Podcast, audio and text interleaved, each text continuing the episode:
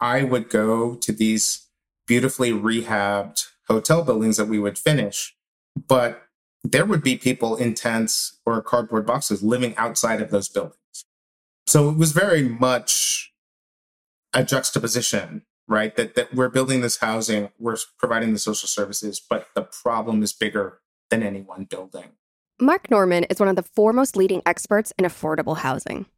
Today, Marc is an associate professor at the University of Michigan and runs a development consulting firm called Ideas and Action. I help cities think about affordable housing and economic development as part of shared prosperity and wealth building in favor of equitable development. He got started on his path way back when he was a grad student in Los Angeles, when he worked for a nonprofit developer at Skid Row. I mean, it was a harsh reality, the kind of which I really wasn't ready for. If you've seen pictures of Skid Row in LA, it really is like open air misery. So it was a real education, both in design and construction, but mostly in finance. I worked there for four years. When I moved to New York, I ended up moving to organizations that financed affordable housing.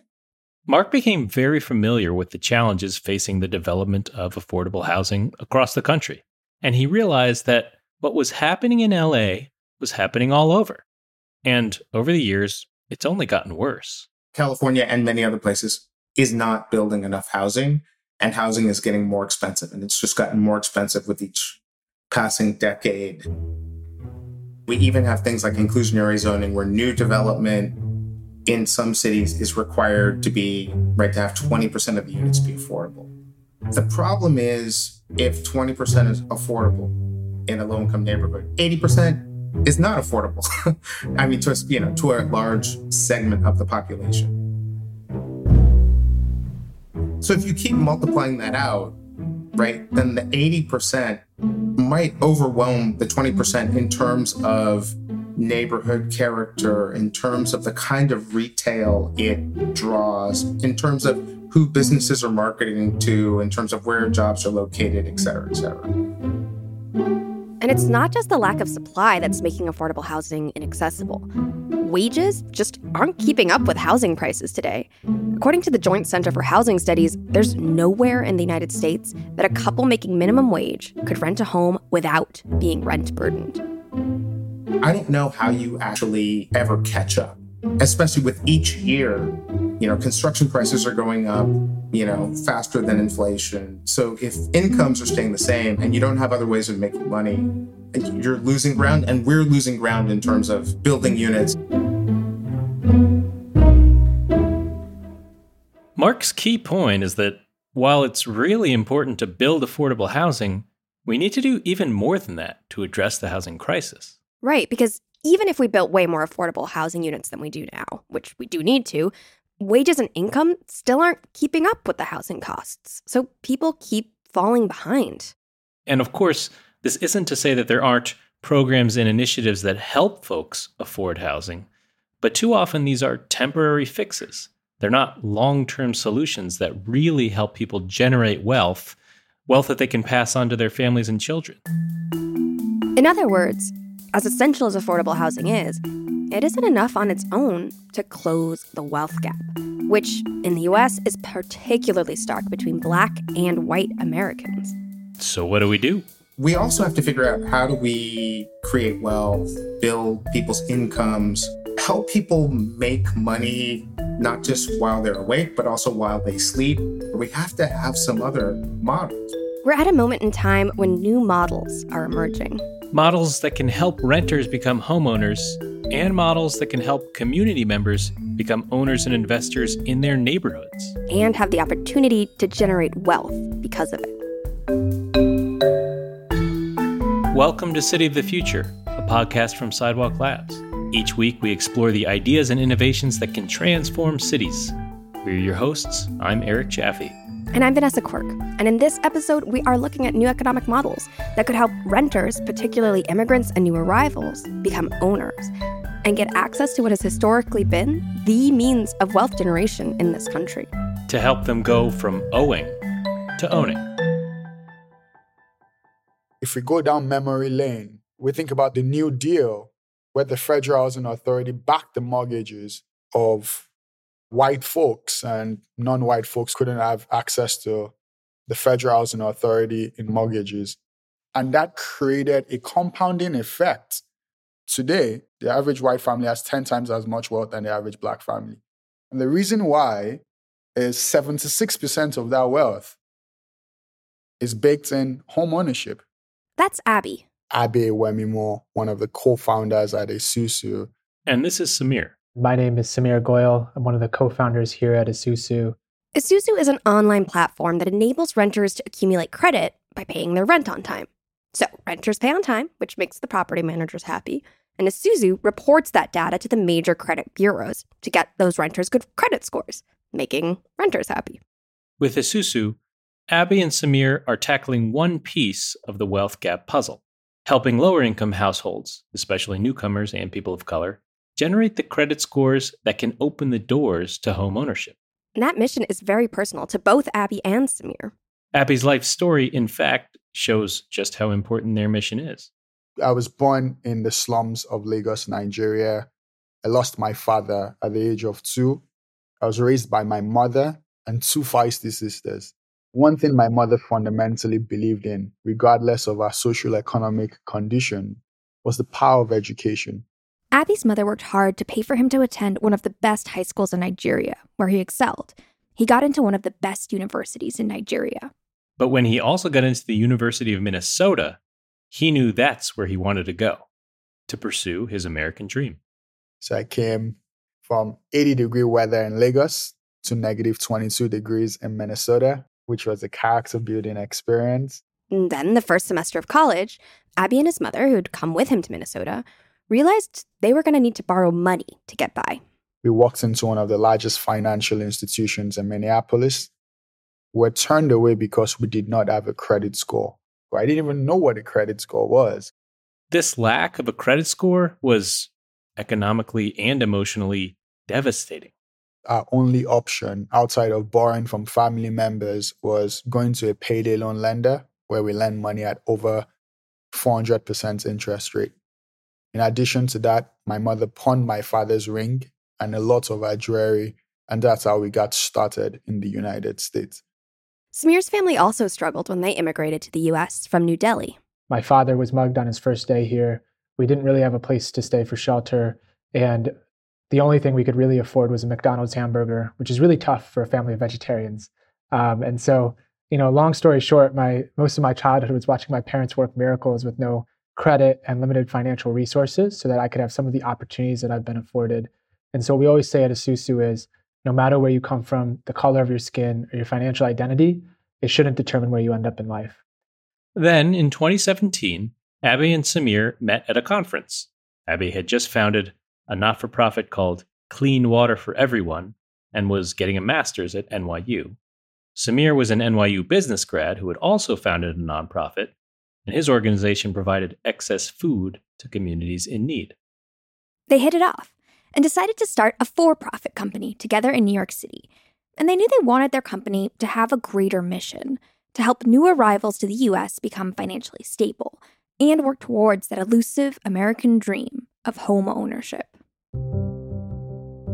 I mean, I think ownership is so powerful because, one, it's literally powerful in terms of the kind of wealth building and financial capability, but I think it's even more powerful because of what it represents right? Like the whole concept of the American dream. You you come to this country or you grew up in this country, whatever, and you work hard, you pay your dues, you do things the right way, and one day you're going to be a homeowner with your picket fence and you're going to be able to raise a family and care for them, right? That is what America symbolizes to so many people, and that's what I think makes home ownership in general powerful beyond the literal financial construct is like what it represents, right? It's kind of what people work towards. It's that thing that someone can call their own. At first, Abbey and Samir weren't exactly sure how to help people achieve that dream. So they did what any good startup founders do they talked to people. We would talk to people and they'd say, Look, we all know we need to save money, but there's two things that are stopping us. Number one, we're not getting paid enough money. And number two, we have all these financial shocks and emergencies, and there's nowhere where we can get access to cheap capital. As Abbey pointed out, access to debt at a reasonable interest rate is the foundation for America, right? And that's what these people were lacking. And so we kind of looked at ourselves and decided, you know, we can't do anything about what people get paid. Maybe one day if we're in public office or something like that, but not today. But what we can do something about is this issue of credit and access to cheap debt. What Esusu does is work with large property managers and landlords to report rental data into the credit rating agencies to help people establish or build their credit scores. By helping renters boost their credit score simply by paying their rent on time, Esusu puts them on a path toward a mortgage and eventually home ownership. You can't build wealth in this country just because we don't know enough about you. Right? So we also saw this as a problem that data could solve where it's like, all right, we need to debunk this myth that just because someone's low income or just because we don't know enough about you, you're a bad credit risk or that you're not worth betting on because that's just not true. When did you realize that, oh, rent could be the way that we do this for folks? If you look at the number of people who are kind of marginalized in the financial system and the people who are renters, that map is almost like a 100% overlay. So basically, that made it really easy for us to understand okay, all the people we're trying to serve for the most part are renters. And then the other thing was just how powerful of a data point rent was, right? There's a study that said that there is no single data point that's more predictive of someone's ability to pay their mortgage than whether or not they pay their rent. And everyone listening to this is probably like, that's obvious. But the thing is, we don't even look at it when we're underwriting mortgages. And mortgages are the single biggest driver of wealth in this country. And so that's why we really focused on this. This is probably the most predictive at scale data point that's available that's not being used today. But it's not just the renter who benefits from this platform. Landlords and property managers, they benefit too. Indeed, they're the ones who pay for the Esusu platform to be implemented in their buildings. I think we've set up this fake construct, right, that landlords are the bad guys, residents are the good guys, or vice versa, right? Landlords have this conception that every renter is just trying to pull a fast one on me and I'm just trying to make ends meet, right? We both have that win lose construct. And I think what's so special is everyone benefits from something, which is resident financial stability. If renters are stable, that's good for them. They can pay their rent, they keep a roof over their head, they can provide for their family. And for the landlord, it's stable, predictable cash flow. They're not worried about going under. They're not worried about being the bad guy and having to kick someone out because they're trying to make ends meet as a landlord themselves. They have a business to run, but if the resident wins, they know that they win too. And to help the resident win, Abbey and Samir have recently rolled out a new service zero interest microloans, which have helped some residents stay in place during the pandemic. For Abbey and Samir, these offerings are just different ways to help people along their journey from renting a home to owning one. If a resident, take Vanessa for example, lives in an affordable rental unit, has a credit score of 500, Esusu works in that property, we report two years of historical rent payments, we boost our credit scores to 720 now, Vanessa has some issues that she can't necessarily pay rent. We pay up with a microloan so she's not evicted. We keep Vanessa in her home. The third step now is Vanessa gets a credit card, can also get a good job, and now wants to put down a down payment on a home because she has a good credit score, a good paying job, and now can build wealth. So, what we are doing right now is giving credit where credit is due, number one. And then number two, making sure folks can leverage their financial identity to get access to this game we've played for close to over 100 years in this country to get access to a home, which appreciates in value. That's what the Esusu platform is all about. Financial identity, financial stability, wealth building.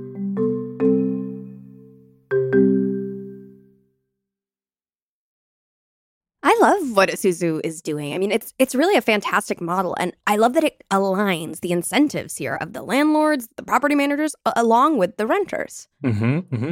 And I love the big picture vision here, right? I mean, it's a credit score today, but that could mean a new job tomorrow. It can eventually mean a home of your own if you want, which, as Abbey and Samir have explained, is such a crucial component of wealth generation in the U.S.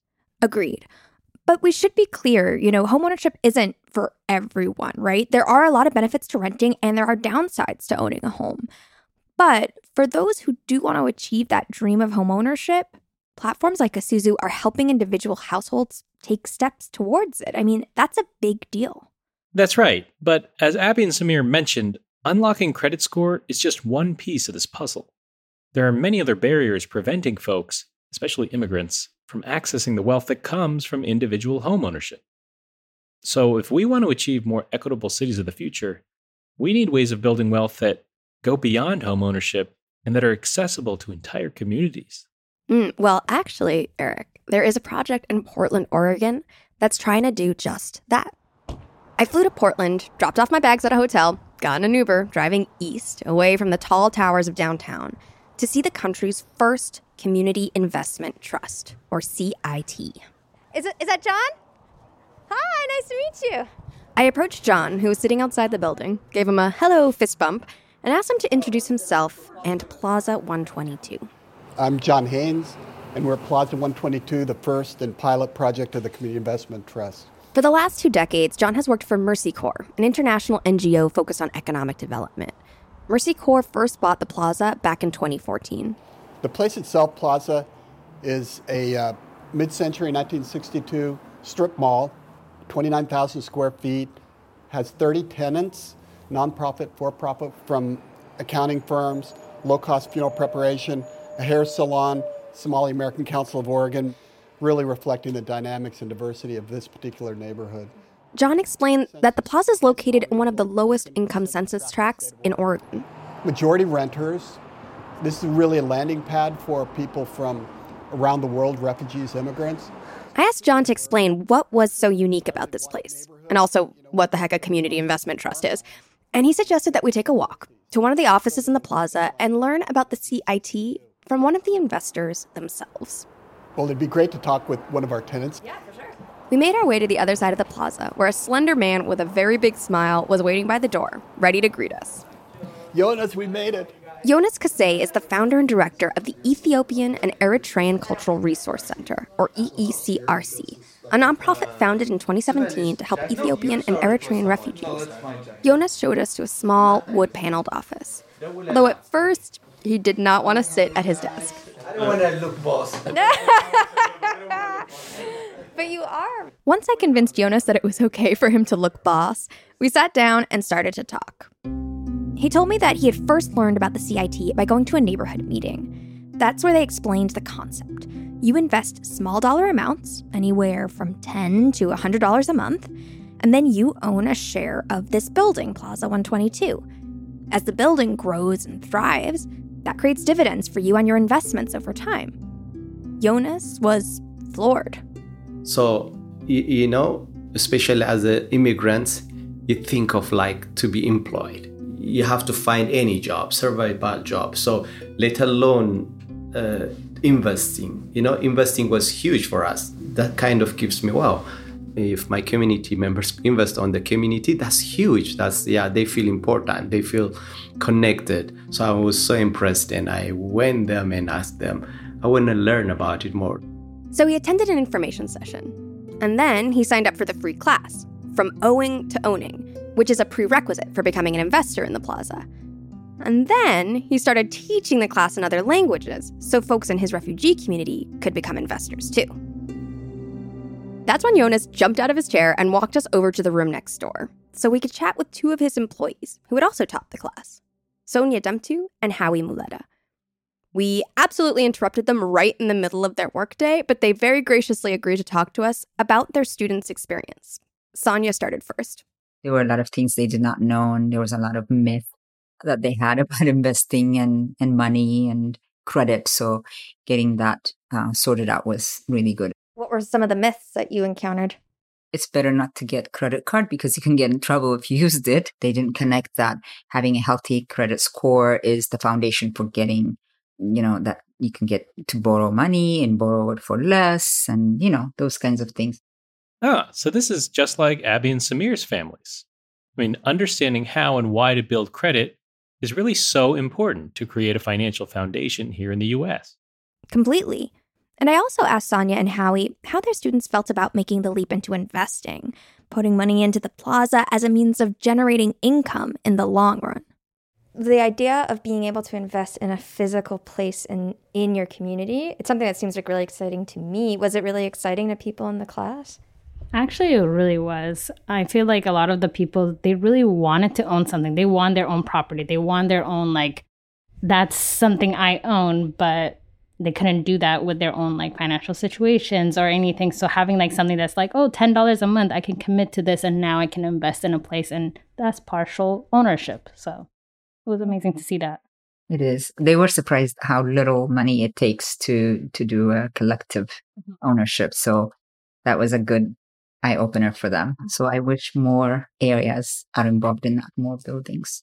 Thank you. Not every day you get a podcast crew barging into your office, so thank you. Thank you. Any coffee or anything? Uh, no, I think we're going to keep walking, but thank you so much.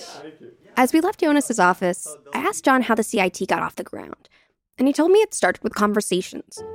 He and his colleagues went into the neighborhood and asked how they felt about their community. And they asked if people invest. No was the answer. And then he threw a thought experiment their way. And so I postulated a couple buildings at the time. This wasn't one of them. I said, What if you could own this? They were like, How? But yeah, we were, we're interested in real estate. And we wanted to just test out a theory that uh, community ownership of a commercial property was, was something that could work. They wanted to see if, by allowing folks to chip in low dollar amounts, if they could encourage folks to invest and not just make money, but become more invested in their neighborhood's growth. And so later that year, Mercy Corps bought the building at 122 Plaza. We bought this out of foreclosure, so it needed some it needed some love, and we needed to get it tenanted up with the kind of tenants that the neighborhood told us they wanted. They offered affordable rental spaces to a variety of tenants, nonprofit and commercial alike. And then, over the course of three years, John and Mercy Corps figured out how to open up the building to community investment with the goal of making the community members the building's full owners. Now, anybody in the neighborhood can invest. The fireman across the street, the uh, teacher, pastor, elected officials, but the majority, again, are first time renters, women, people that have never invested before. And then to protect their investors, they did something unique, something that hadn't been done before. With uh, our attorneys, some great attorneys have been working pro bono with us. They found this security law exemption that allows you to offer a corporate offering to unaccredited or lower income people if you do one of two things get a government guarantee or get a direct pay letter of credit from a bank. And nobody had used this, but we found a good bank that did the primary mortgage and, and offered to do the direct pay letter of credit. That's the thing that pr- prevents people from losing money when they when they leave. Yeah, we don't use it. Our intention is not to use it, but it stands there as protection for the investors. That was the magic. People can get their money out anytime they want with guaranteed no loss. So in other words, community investors can pull out their investment at any time and get their cash back.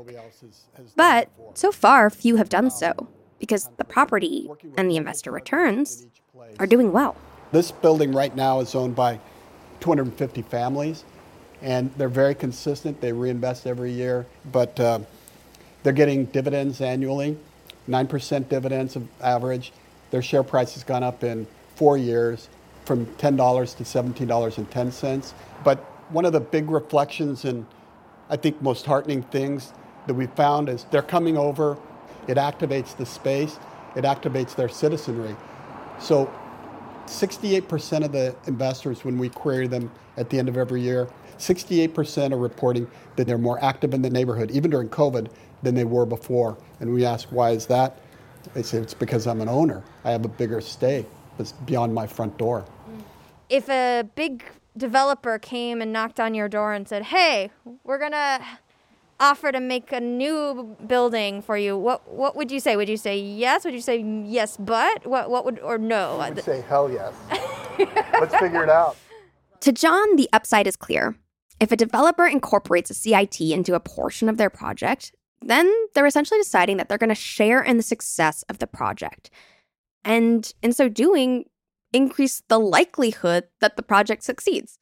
Right. This is great for everyone right? As community members and others begin to patronize the building, as tenants line up to lease there, as other investors add to the resiliency of the grounds or maybe enhance the arts and culture spaces, this development will thrive for the long term. The developer will benefit from all that activation, and that will improve the chances of making a return on their investment. Right. That's the idea, anyway. But in the meantime, John is not waiting around. He is spreading the CIT model by working with cities across the US. It's been Colorado Springs, Atlanta, Kansas City, Omaha, Memphis, Milwaukee, Minneapolis, St. Paul, Fresno, Albany, New York. And then we are working now with uh, Baltimore and St. Louis and some more in the queue. So our goal is to work with a million people in 100 cities in the next five to 10 years. Our intention there is to reduce the racial wealth gap, urban and rural. And if it sounds like impossibility with too many moving parts, we've done the homework and the, done the headaches to make it work, to make it simpler for other cities to replicate. So, in a few years' time, we could see CIT projects in cities all over the US. It is pretty exciting.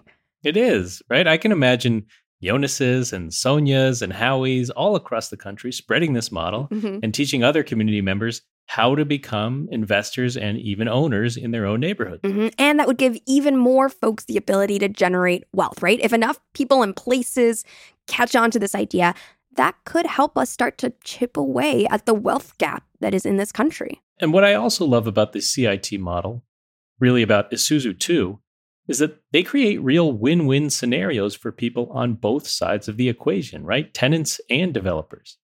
And it's only by aligning those incentives that we can really start to break down some of the systemic inequities that are baked into our housing and development plans today. Exactly. And in fact, there are some community wealth generating models that take us even beyond ownership entirely models that can expand across entire neighborhoods and districts. In fact, we don't have to go very far to find one. Where are we going? Well, you'll find out in part two.